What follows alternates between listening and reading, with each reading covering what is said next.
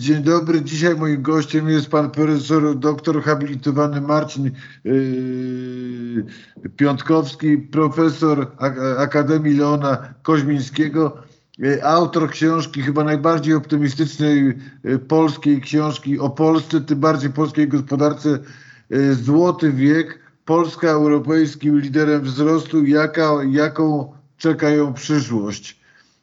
Panie profesorze, ostatnio przeczytałem, chyba wczoraj, pana wpis na Twitterze, że skupianie się na deficycie jest skupianie się na, skupianiem się na e, liczbie podań, a nie na wyniku meczu. Od razu pomyślałem sobie, czy pan nie proponuje czasem piłki nożnej i gospodarki, w której deficyt będzie motorem wzrostu, czyli szykuje nam się taka ekonomiczna, powiedziałbym, tik-tik-taka, tiki-taka.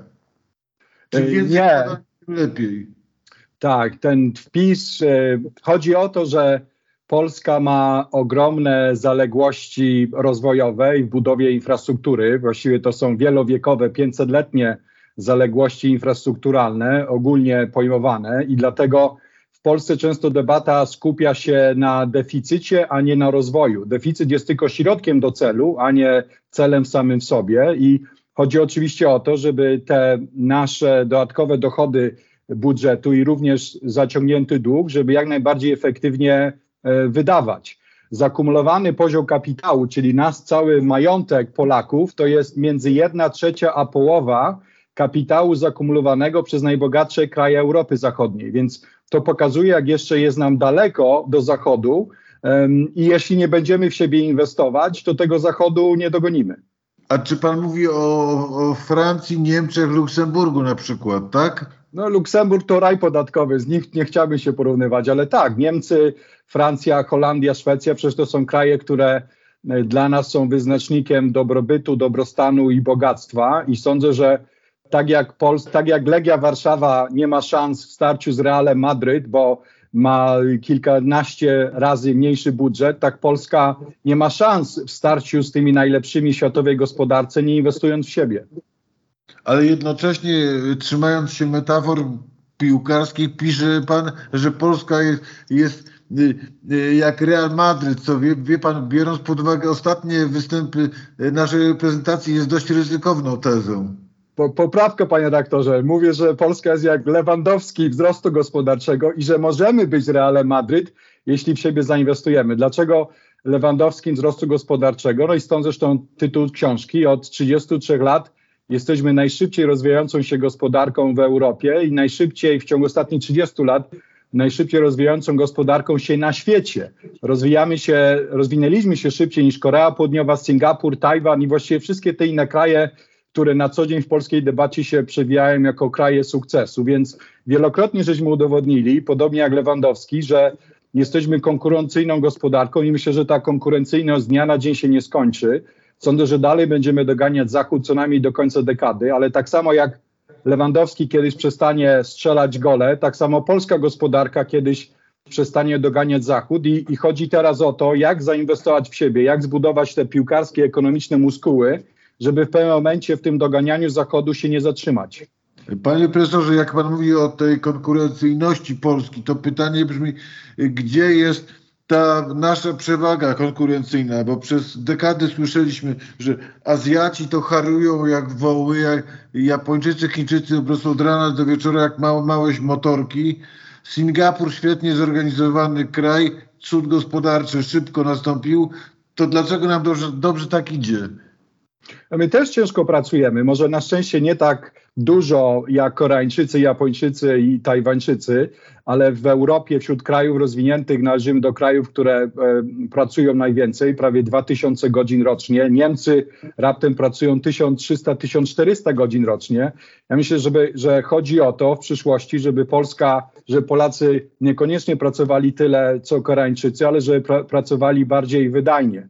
Co cały czas wspierało polską konkurencyjność, no to właśnie to, że jakość naszego kapitału ludzkiego jest mniej więcej na poziomie Niemiec, przecież jesteśmy praktycznie teraz tak samo wykształ dobrze wykształceni jak oni, no ale cały czas kosztujemy połowę tego, co w Niemczech, więc trudno tą konkurencyjność tak po prostu stracić. Z drugiej strony też mamy polskich przedsiębiorców, którzy od ponad 30 lat udowodnili, że praktycznie z każdym kryzysem byli w stanie sobie poradzić lepiej niż ich, e, e, ich konkurenci.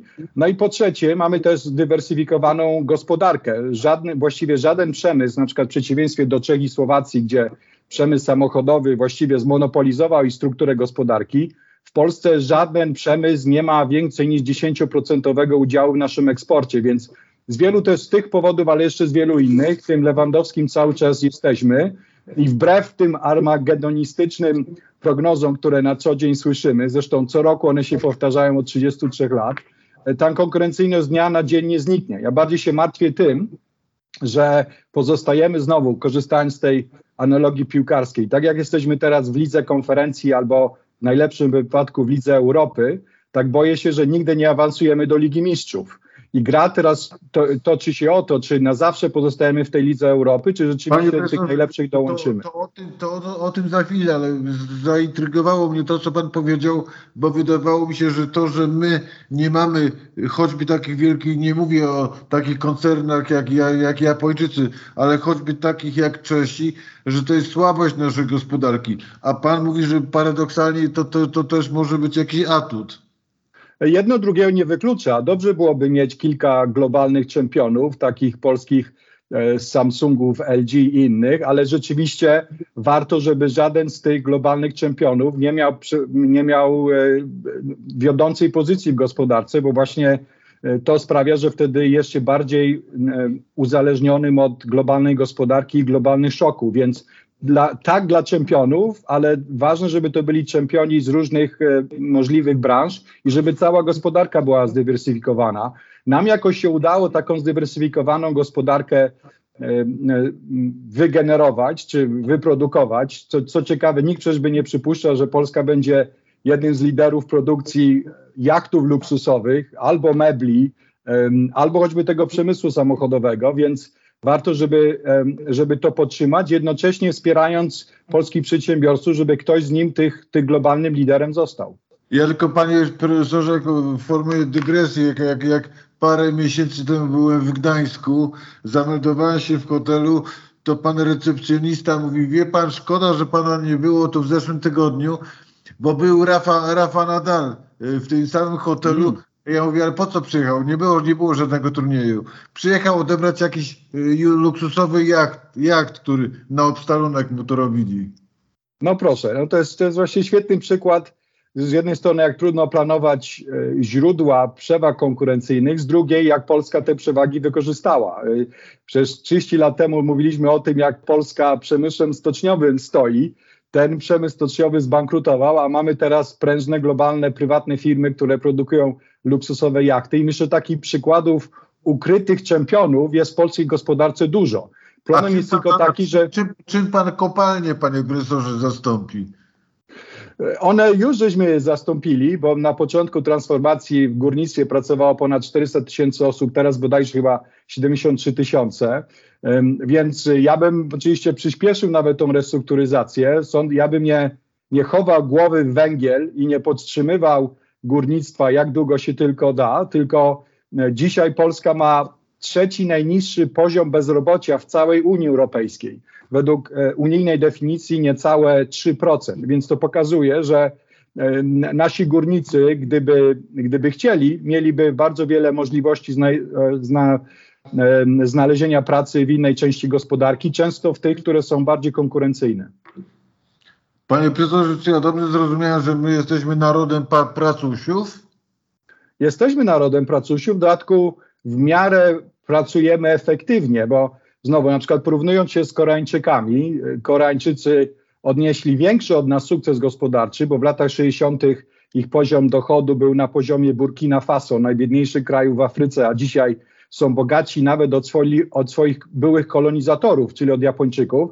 Z drugiej strony Koreańczycy pracują zdecydowanie więcej od nas, 6 dni w tygodniu plus i efektem tego jest między innymi to, że mają najwyższy wskaźnik samobójstw wśród bogatych krajów OECD i mają najniższy w historii ludzkości Homo sapiens, 300 tysięcy lat, mają najniższy wskaźnik dzietności, 0,73.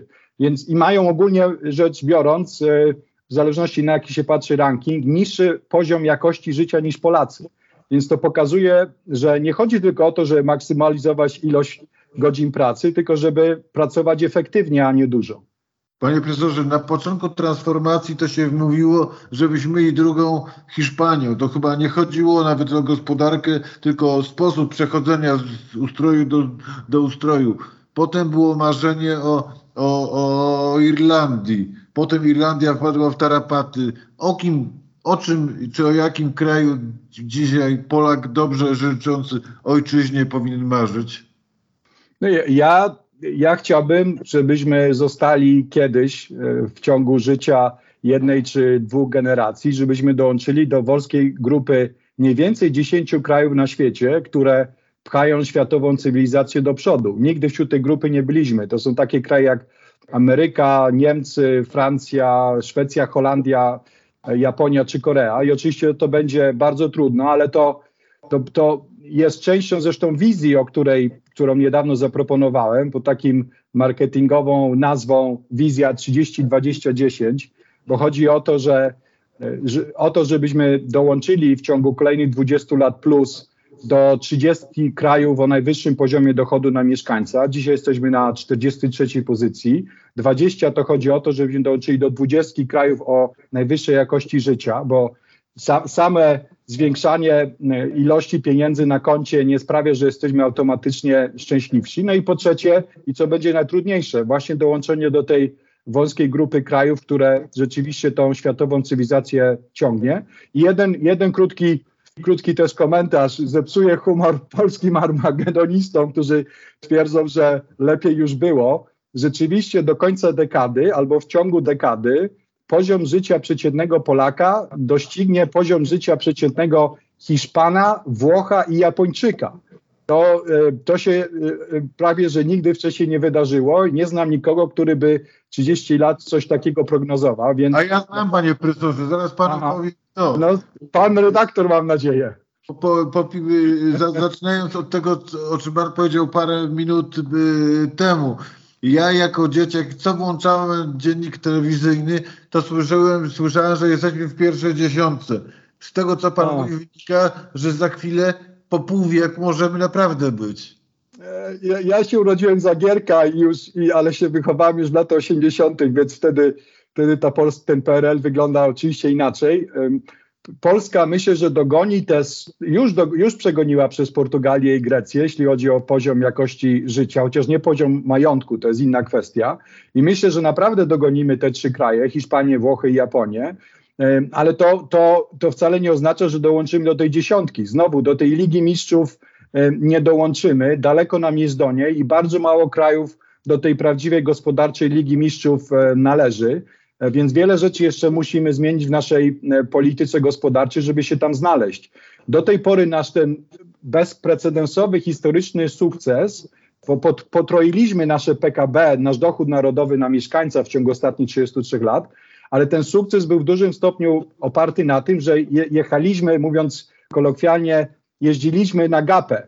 Czyli nasz sukces polegał na tym, że dalej polega na tym, że importujemy pomysły, technologie, kapitały z zagranicy, a nie inspirujemy świata własnymi pomysłami, usługami czy markami. I jeżeli nie, nie, nie zmienimy tego modelu wzrostu, no to, to do, do tej dziesiątki czyli, nie dołączymy. Czyli mówi pan, że polska gospodarka to trochę copy-paste, tak? Na razie copy-paste, tak. I chciałbym, żeby to nie było copy-paste, żebyśmy mieli e, właśnie własne własne pomysły, własne globalne marki, do tego nam daleko. I wracając do tej dyskusji o właśnie o deficycie, uważam, że Polska bez zainwestowania w siebie dodatkowych bilionów złotych e, do tej Ligi Mistrzów e, nie dołączy. Nie możemy po prostu być tani. To tak jak jeżeli chcemy być Realem Madryt, to nie możemy wydawać, e, to powinniśmy wydawać tyle co Real Madryt, a nie tyle co Motor Lublin czy nawet nasza Legia Warszawa. Więc Znowu, to jest, to jest trudne. Skąd, I, i musi... skąd, pan, skąd, skąd pan weźmie te miliardy?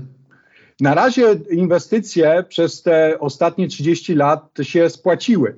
Proszę, proszę wziąć pod uwagę, że dzisiaj nasz poziom naszego długu publicznego to jest około, około e, połowy naszego PKB, dochodu narodowego. to jest raptem troszeczkę ponad połowy średniej dla Unii Europejskiej. Polacy nie wszyscy zdają sobie sprawę, że Polska jest mało zadłużonym krajem. Polsce ten, ten dług publiczny to jest połowa naszego PKB, w Unii Europejskiej średnia to jest 83% PKB, a w strefie euro nawet powyżej 90%. Ale co ciekawe, ten nasz tegoroczny poziom długu publicznego w stosunku do dochodu narodowego praktycznie będzie taki sam jak 20 lat temu. Co to oznacza? To, że nawet jak przez te 20 lat mieliśmy i Mierzeje, i dwie wieże ostrołęckie i dużo wydawaliśmy na konsumpcję, to ta część inwestycji, którą żeśmy sfinansowali deficytem, była tak rentowna, że ona z nawiązką spłaciła ten rosnący dług. Koniec końców jesteśmy na tym poziomie co wcześniej i myślę, że wielu Polaków się zgodzi z tym, że pomysłów na wysokorentowne inwestycje nie brakuje. Pan profesor powiedział, że nikt tego nie przewidział i ja chciałbym sprostować. Był Pan kiedyś... przewidział. Wie pan, nie, proszę Panie Boże, ale był u nas tak, kiedyś taki polityk, nazywał się Lech Wałęsa, który Tak, w mówię o 81 Japonii. roku powiedział, że zbudujemy drugą Japonię. I, i, i- życzę, życzę panu prezydentowi Wałęsie, że rzeczywiście e, dożył e, i razem z nami celebrował ten moment, w którym tą Japonię dogonimy, bo znowu może się to wydarzyć w ciągu dekady, ale dogonimy tylko pod względem e, tylko dochodów, jeszcze biorąc pod uwagę fakt, że mam nadzieję fryzjer w Warszawie będzie dalej tańszy niż fryzjer w Tokio. Co wcale nie oznacza, że Warszawa będzie jak wyglądało jak Tokio, bo jest różnica między dochodami a, a majątkiem. Dochodami Właśnie, możemy. profesorze, jak sobie przypomniałem, jak byłem w Tokio, w dzielnicy chyba Gimza, pomyślałem, to z całym szacunkiem Warszawa to to nie jest. No to prawda. Patrząc globalnie, to, to, to Warszawa ani Tokio, ani Rzymem, ani Paryżem oczywiście nie jest, więc nawet jak dogonimy ten, ten poziom dochodu Japończyków, to nasz majątek będzie cały czas o wiele mniejszy. Więc potrzebne nam jest co najmniej jeszcze 33 lata szybkiego wzrostu, żeby z tego rosnącego PKB zakumulować większy majątek i żeby Warszawa wyglądała bardziej jak Tokio, a, a nie jak Warszawa. A to pani, czy, czy pan mi chce powiedzieć, że my w historii po prostu straciliśmy za dużo czasu, za dużo czasu, żeby tak rachciach nadrobić? Oczywiście straciliśmy głównie, sądzę, z, z własnej winy. To, że, że w 80 czy w 39 roku, w 89 roku byliśmy biedni, to oczywiście nam nie pomógł komunizm i wcześniej e, otoczenie geopolityczne, ale w dużym stopniu e, Polska zawsze była biedna i nie miała z czego akumulować majątku, a inna rzecz, że oczywiście nasi sąsiedzi, Niemcy, Rosjanie i cała reszta nam pomagała co jakiś czas w zniszczeniu tego majątku, ale konkluzja na dzisiaj jest taka, że przez ostatnie 33 lata właściwie mieliśmy naj, zdecydowanie najlepszy okres w całej naszej tysiącletniej gospodarczej historii, no ale to jest za krótko, żeby w 30 lat y, y, odrobić 500 lat y, zaległości cywilizacyjnych, więc dlatego uważam, że nie możemy teraz zaciskać pasa, bo cały czas jesteśmy szczupłym chłopakiem, który, który musi inwestować, e, korzystając z innej analogii, musi inwestować jeszcze w swoją masę, zanim będzie mógł z tymi najlepszymi konkurować. I dlatego to jest ten decydujący moment, czy te 33 lata, które są za nami, będziemy w stanie przełożyć na kolejne 33 lata szybkiego wzrostu. Yy, Panie profesorze, ja pamiętam, że Stefan Kisielewski yy, w latach 80. pisał, że stoi przed nami yy, karkołomne zadanie, jak zbudować kapitalizm bez kapitału. Udało się? Na razie się udało, ale w dużym stopniu znowu dlatego, że ten kapitał pożyczamy od innych. No i dobrze, bo gdy bez, bez napływu kapitału zagranicznego tego polskiego sukcesu nie było. Co ciekawe, ten kapitał, e, mamy bardzo dobrą koniunkturę na pożyczanie zagranicznego kapitału.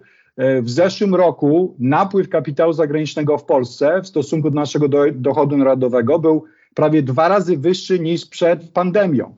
To oznacza, że Polska jest jednym z beneficjentów faktu, że globalny kapitał się wycofuje z Chin i z kilku innych miejsc i szuka dla siebie bezpiecznej przystani. Sądzę, że taką przystanią Polska jest i możemy jeszcze ten napływ kapitału zmaksymalizować.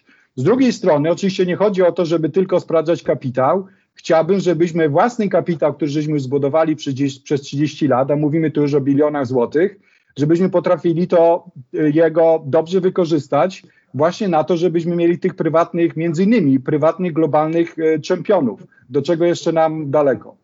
Y, Panie profesorze, ja przed, pamiętam, chyba wczoraj przeczytałem pod jednym z, z Pana wpisów taki komentarz, że wystarczy, że globalne y, korporacje pięknego któregoś dnia zak, z, zakręcą kurek i powiedzą, przenosimy całą produkcję do Indii i się po polski cud kończy.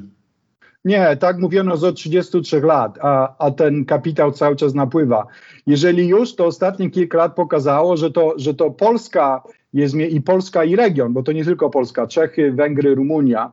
To jest region, który jest geopolitycznie najbardziej dla kapitału zagranicznego przyjazny, e, zarówno politycznie, jak i, jak i ekonomicznie. I, i znowu, e, na, na Rosji oczywiście globalny kapitał się sparzył, bo stracił dziesiątki, jeśli nie setki miliardów dolarów. E, Teraz kapitał zagraniczny wie, że z Chinami może się kiedyś wydarzyć podobnie, a wiele innych gospodarek na świecie, mówię przez te słowa tutaj z Waszyngtonu i obserwuję światową gospodarkę, w Azji wiele krajów nie są na takim poziomie rozwoju, który jest w stanie z nami konkurować. W Indiach nie, nie da się produkować półprzewodników, tak jak Intel będzie je produkował pod Wrocławiem, więc znowu na świecie co roku krąży ponad 1500 miliardów, czyli półtora biliona dolarów inwestycji zagranicznych. I, I my możemy z tego uszknąć dodatkowe kilkadziesiąt miliardów dolarów rocznie, jeśli się do tego dobrze przygotujemy. Y, Czy, czy, czy ja dobrze rozumiem, że pana kolegi, kolega z Akademii y, Koźmińskiego, y, który w połowie lat 90. zapowiadał, że już jesteśmy, jak jeszcze nie jesteśmy, to za chwilę będziemy gospodarczym tygrysem, nie lewitował, tylko miał rację, tak? Mówię panu Mowa to- mowa o profesorze, profesorze Kołotko.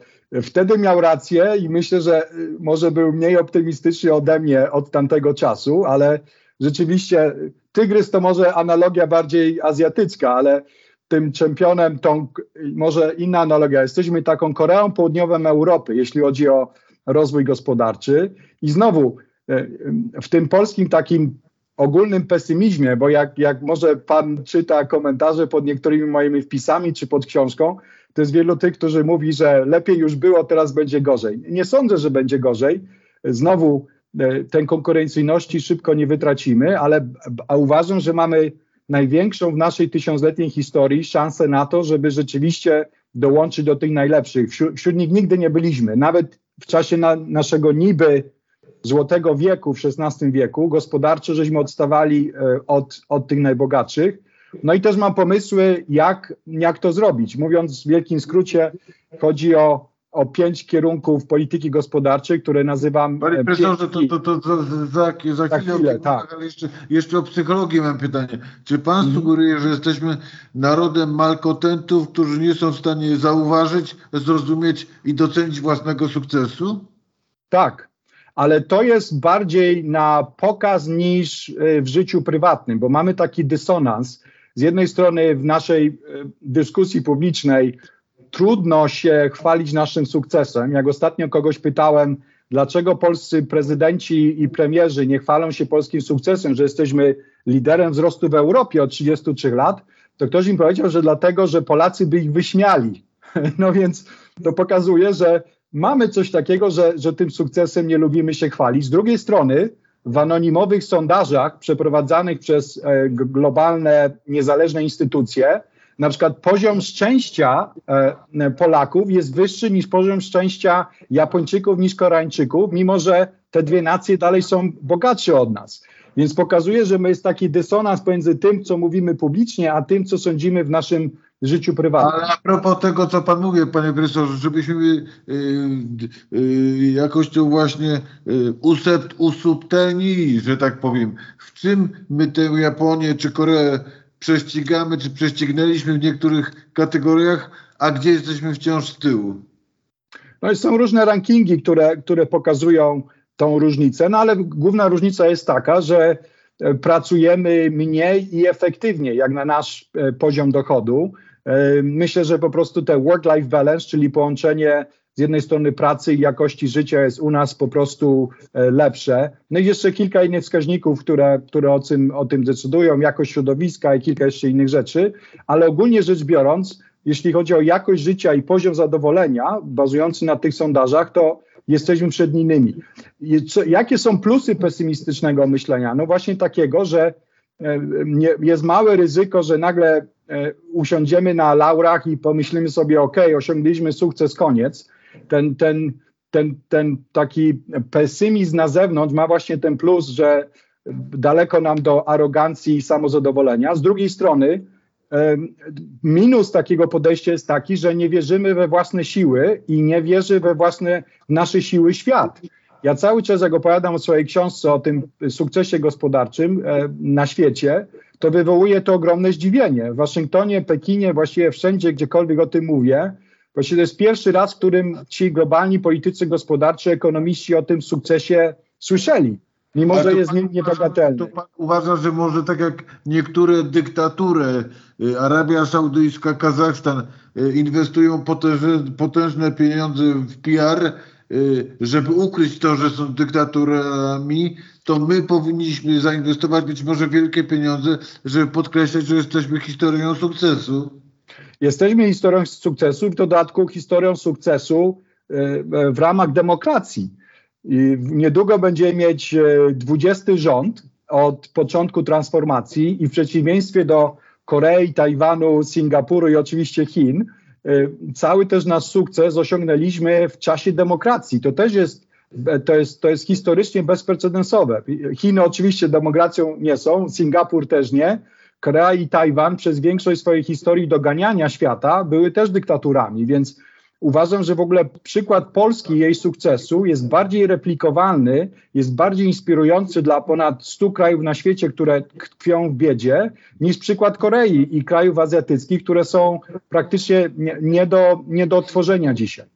Panie profesorze, różne opinie słyszy się na temat tych ostatnich ośmiu lat w gospodarce. Czy to był jakiś, że tak powiem, niemiły dysonans, atrakt, antrakt w tej opowieści sukcesu, czy, czy, czy, czy wcale nie, że być może też kolejna sensowna jakaś zmiana? Jak pan to widzi? No, polska gospodarka nie jest w ruinie. Przez te o, ostatnie 8 lat A w cały 2000, czas. W 2015 umówmy się też nie była, prawda? Też nie była, ale można wiele mówić o, o, o, obecnym rządzie i oczywiście wszystkie kwestie pozaekonomiczne, osłabienie instytucji, osłabienie rządów prawa, spolaryzowanie społeczeństwa, to są wszystko kluczowe porażki tych ostatnich ośmiu lat i myślę, że one też znacząco obniżyły jakość e, życia Polaków, ale na szczęście gospodarczo tego populizmu i tych złych decyzji było bardzo mało. Co ciekawe, nawet po pandemii Polska jest drugą po Chorwacji gospodarką w Unii Europejskiej, która się naj, najszybciej po pandemii rozwinęła. Więc to na szczęście dla nas, e, bo patrząc z takiego oddalenia trochę historycznego i emocjonalnego, przez te 8 lat e, żadnej katastrofy gospodarczej nie było. No i teraz trzeba trzymać kciuki za nowy rząd, za nową koalicję, żeby nie tylko. E, panie profesorze, za chwilę o nowych, ale jeszcze pytanie. Tak. A czy, czy rozdawnictwo jako Yy, forma zdobywania poparcia i kupowania głosów to nie był wielki obiektywny problem tych rządów ze złymi konsekwencjami?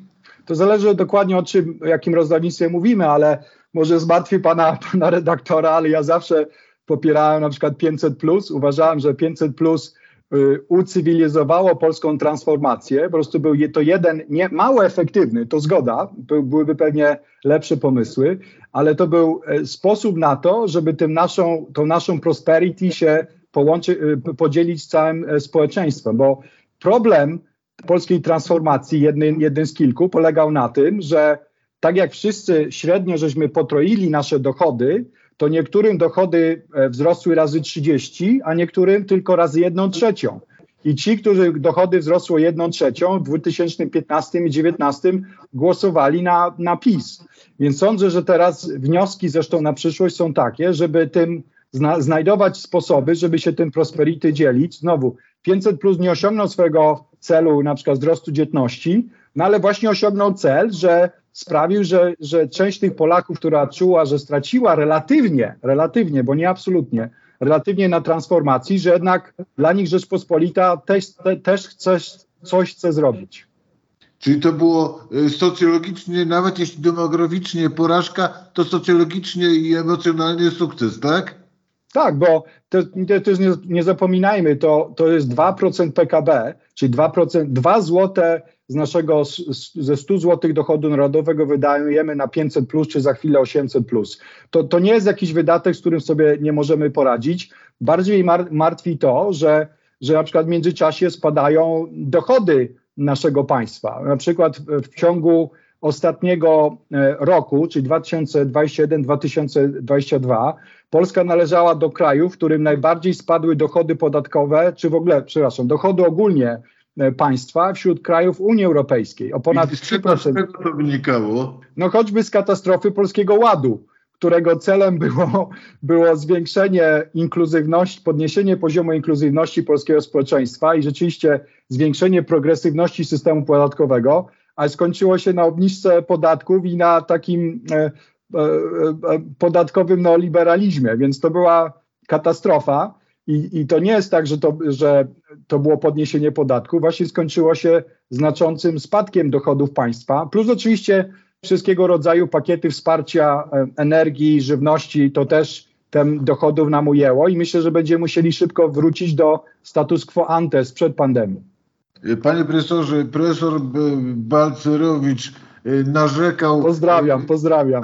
Narzekał w ostatnich miesiącach, ostatnich miesiącach kampanii nie tylko na PiS, ale na generalnie na skłonność y, naszych partii do rzucania, jak on twierdzi, nieodpowiedzialnych obietnic. Czy uważa pan, jak pan jako ekonomista ocenia y, tę kampanię? Czy to było, czy rozhuśtaliśmy ten Y, tę, tą karuzelę populizmu absolutnie znowu ponad miarę?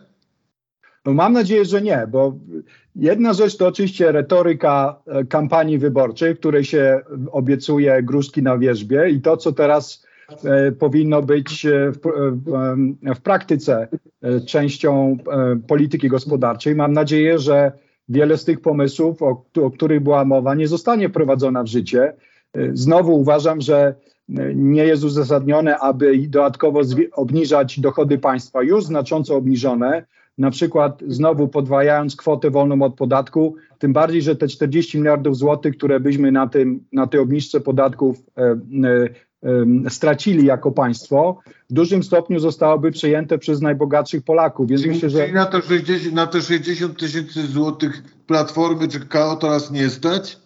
Sądzę, że nie, dlatego że, że znowu nie możemy w jednym zdaniu mówić, że mamy dziurę Morawieckiego i duży deficyt, a w drugim mówić o tym, że dalej mamy obniżać dochody poprzez obniżki podatków. Te dwa zdania e, e, nie, nie, nie współgrają, więc uważam, że e, mieliśmy już obniżkę podatków właśnie przez Polski Ład podwyższył kwotę wolną od podatku do 300 tysięcy złotych i wystarczy.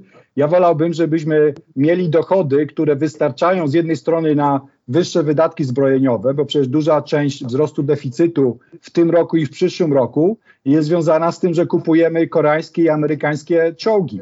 I w związku z tym, że do końca dekady będziemy wydawać kilkadziesiąt miliardów złotych więcej na zbrojenia, czyli właściwie się to stanie quasi trwałym wydatkiem, no to powinniśmy mieć też trwałe dochody. Zamiast je obniżać, powinniśmy je podwyższać.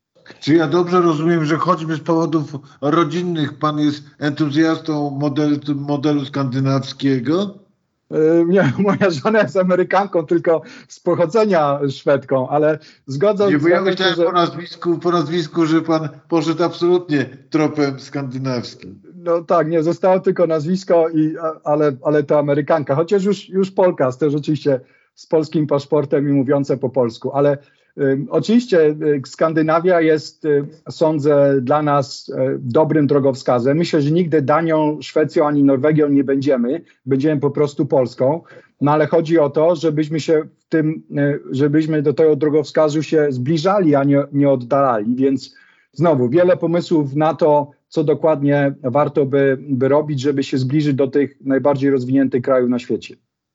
Y, pan y, sugeruje, żebyśmy nie zaciskali y, pasa, no to a jak, jak rządzący już teraz albo za chwilę proponują ulgi, to pan mówi, że, że nas nie stać, czyli proponuje pan zaciskanie psa, pasa.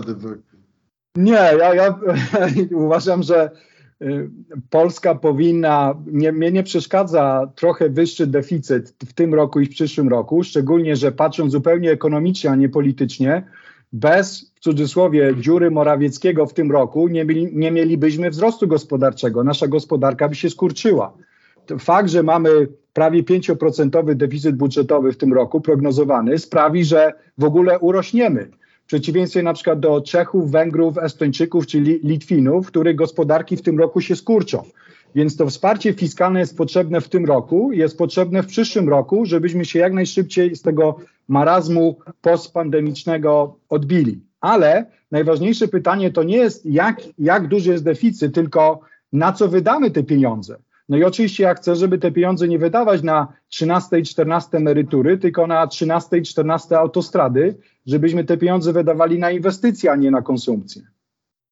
Jakby pan, panu, jak ktoś rozpoznał pana na ulicy i zapytał, panie profesorze, pan powie prosto, my jako, jako Polacy to jesteśmy biedni czy bogaci? To jak brzmi odpowiedź? Już nie biedni, ale jeszcze nie bogaci. Jesteśmy mniej więcej w najlepszym wypadku w połowie drogi do tego, żeby rzeczywiście być prawdziwie bogatym. Znowu z nami te najlepsze 33 lata w historii, ale uważam, że potrzebne są nas kolejne co najmniej 33 lata i, e, i znowu musimy mieć, musimy mieć wizję, musimy mieć pomysły i musimy mieć e, zgodę narodową co do tego, co dalej robić. Za nami tylko e, koniec początku, ale daleko do, do jeszcze do mety. Panie profesorze, wspomniał Pan o 20 rządach przez 33 lata. 20 rządów momenty, gdy ko koalicje były szalenie trudne, to jakim cudem udało się zachować w tej sztafecie jakiś sens i właściwy kierunek i tempo? Ba bardzo dobre pytanie, bo, bo myślę, że ono odpowiedź na nie e, by pomogło wyjaśnić, dlaczego większość krajów na świecie w przeciwieństwie do Polski Zachodu nie dogania. Dlaczego Brazylia, Argentyna, Chile i oczywiście cała Afryka i duża część Azji albo nie dogania, albo przynajmniej nie ma szans, żeby być bogatym. Ja sądzę, że Polskę wyróżnia to, że w 1989 roku jako społeczeństwo żeśmy wieli, wiedzieli, czego chcemy. Wiedzieliśmy, że chcemy powrócić do Europy, wiedzieliśmy, że chcemy być tak jak Niemcy, Szwedzi czy Holendrzy. No i też Zachód nam pomógł, no bo nam pomógł w tym, że dał nam e, kierunkowskaz. Panie profesorze, a czy dzisiaj jako społeczeństwo, naród, pana zdanie wiemy, czy nie wiemy, czego chcemy? Dzisiaj nie. Nie, dzisiaj brakuje mi tej właśnie tej wizji, tej sformalizowania, wyartykułowania tego, na czym teraz powinno nam zależeć, do jakiej jakby pan, jakby pan w czterech zdaniach taką wizję Polak, Polakom opowiedział, co to powinno by być albo mogłoby być? Chciałbym, żeby Polska w przeciągu życia kolejnej generacji, powiedzmy do roku 2050, została jednym e, z trzech gospodarczych i politycznych e, liderów Europy, oprócz Francji i Niemiec, i myślę, że to jest możliwe. I gospodarczo też, żebyśmy dołączyli do tej 30, 20 i dziesiątki, czyli rzeczywiście, żebyśmy byli społeczeństwem, które E, należy do dziesiątki mieszkańców topowej, topowych 10% mieszkańców świata o najwyższym poziomie dochodu i jakości życia. Czyli mówi pan, że z, z negatywnego stereotypu o nas polnische Wirtschaft już nic nie zostało, ale to wciąż połowa drogi, tak? Mało zostało, tak, ale jesteśmy w takim rozkroku. Znowu, już tym polnische Wirtschaft oczywiście nie jesteśmy i Niemcy też o tym wiedzą, no ale Niemcami też nie jesteśmy. Nie ma polskich BMW, nie ma polskich Siemensów, nie, nie, ma, e, Pols nie ma polskiego Bayernu, więc e, widać, że jeszcze do Niemców i do innych nam bardzo daleko. Panie profesorze, czy, czy Ukraina dla Polski to jest szansa, czy potencjalnie problem? To co bardziej? Szansa. Dla mnie to szansa. Uważam, że kiedyś e, ktoś niedawno mnie pytał, co się stanie, że jak Ukraina rzeczywiście zacznie się reformować, czy to nie będzie problem dla Polski? Uważam, że nie, bo przede wszystkim Ukraina niestety od 30 lat się gospodarczo nie reformowała. To właśnie powód, to jest powodem, dla którego Ukraina jest dzisiaj trzy razy e, biedniejsza e, od Polski. I ja chciałbym, żeby kiedyś Ukraina była e, konkurencyjna i nawet konkurowała z Polską, bo to oznacza, że to jest, to jest mocna gospodarka, mocne państwo, które oczywiście poradziło sobie z Putinem, z wojną i z jej konsekwencjami, ale Ukraina ma bardzo daleką drogę, żeby z Polską e, konkurować pod każdym względem, od oczywiście geopolitycznego bezpieczeństwa, bo dopóki będzie Putin, to trudno będzie tam zainwestować. Po drugie, Ukraina ma, ma jeszcze bardzo wiele, ona właściwie jest na początku transformacji, tak jak Polska na początku lat 90., więc jeszcze wiele musiałoby się dobrych rzeczy wydarzyć na Ukrainie, żeby oni rzeczywiście byli dla nas zagrożeniem. Jednocześnie, oczywiście, im szybciej się Ukraina będzie rozwijać, tym lepiej dla nas, tym będziemy e, podwajać, potrajać nasz eksport.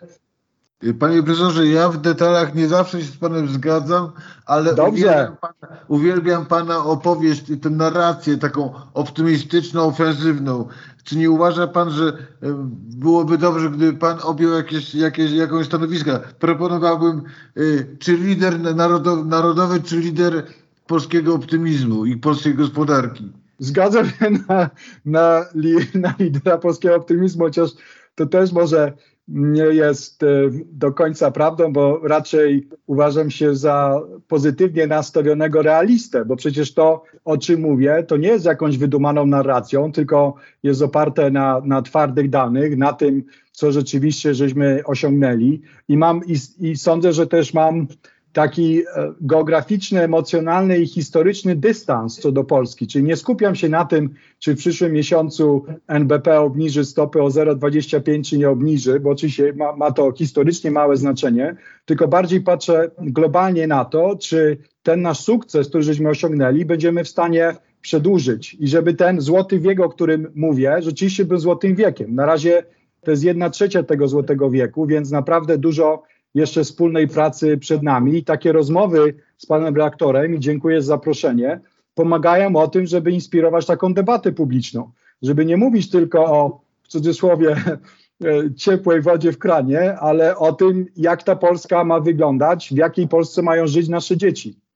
Panie profesorze, dziękuję, że pan znalazł dla mnie czas, szczególnie, że rozmawiamy dziś święto dziękczynienie, najważniejsze w Ameryce święto, bardzo prywatne, bardzo rodzinne, więc dziękuję się głównie za te osobiste rzeczy, a pan jako Polak, to za co by podziękował? Czy za, za co my powinniśmy podziękować, gdybyśmy my, my dzisiaj w Polsce jedli tego indyka? No, podziękować za, za to, że pierwszy raz w historii gospodarczo coś nam się udało i naprawdę warto, warto to docenić i warto się z tego przynajmniej przez chwilę ucieszyć. No i zastanowić się, tak jak zresztą na polskim stole wigilijnym, bo to byłaby właściwie analogia, też nie tylko sobie składamy życzenia i gratulujemy, ale często też mówimy, czego sobie życzymy na, na przyszły rok i na kolejne lata. Więc ja życzę I jeszcze, Polsce, żeby... Jeszcze mówimy, panie profesorze, czy słyszałeś tych idiotów polityków w telewizji? No, to myślę się akurat nie zmieni, czy, czy ten rząd, czy nowa koalicja. Będziemy słyszeć dokładnie to samo, ale to jest piękno demokracji. Chodzi oczywiście o to, żebyśmy nie stracili tego, co jest najważniejsze, że Polska cały czas jest globalnie małym krajem. Produkujemy czy generujemy raptem 1% e, światowego PKB i jedynym sposobem na to, żebyśmy mieli coś do powiedzenia w Europie i na świecie, to to, żebyśmy się szybko rozwijali i mieli konstruktywne pomysły i polityczne, i gospodarcze nie tylko na siebie, ale na Europę i na resztę świata. Dziękuję bardzo serdecznie panu, dziękuję za rozmowę i życzę dziś smacznego indyka i miłego wieczoru. Dziękuję bardzo panie doktorze. Dziękuję, dziękuję. kłaniam się, do widzenia.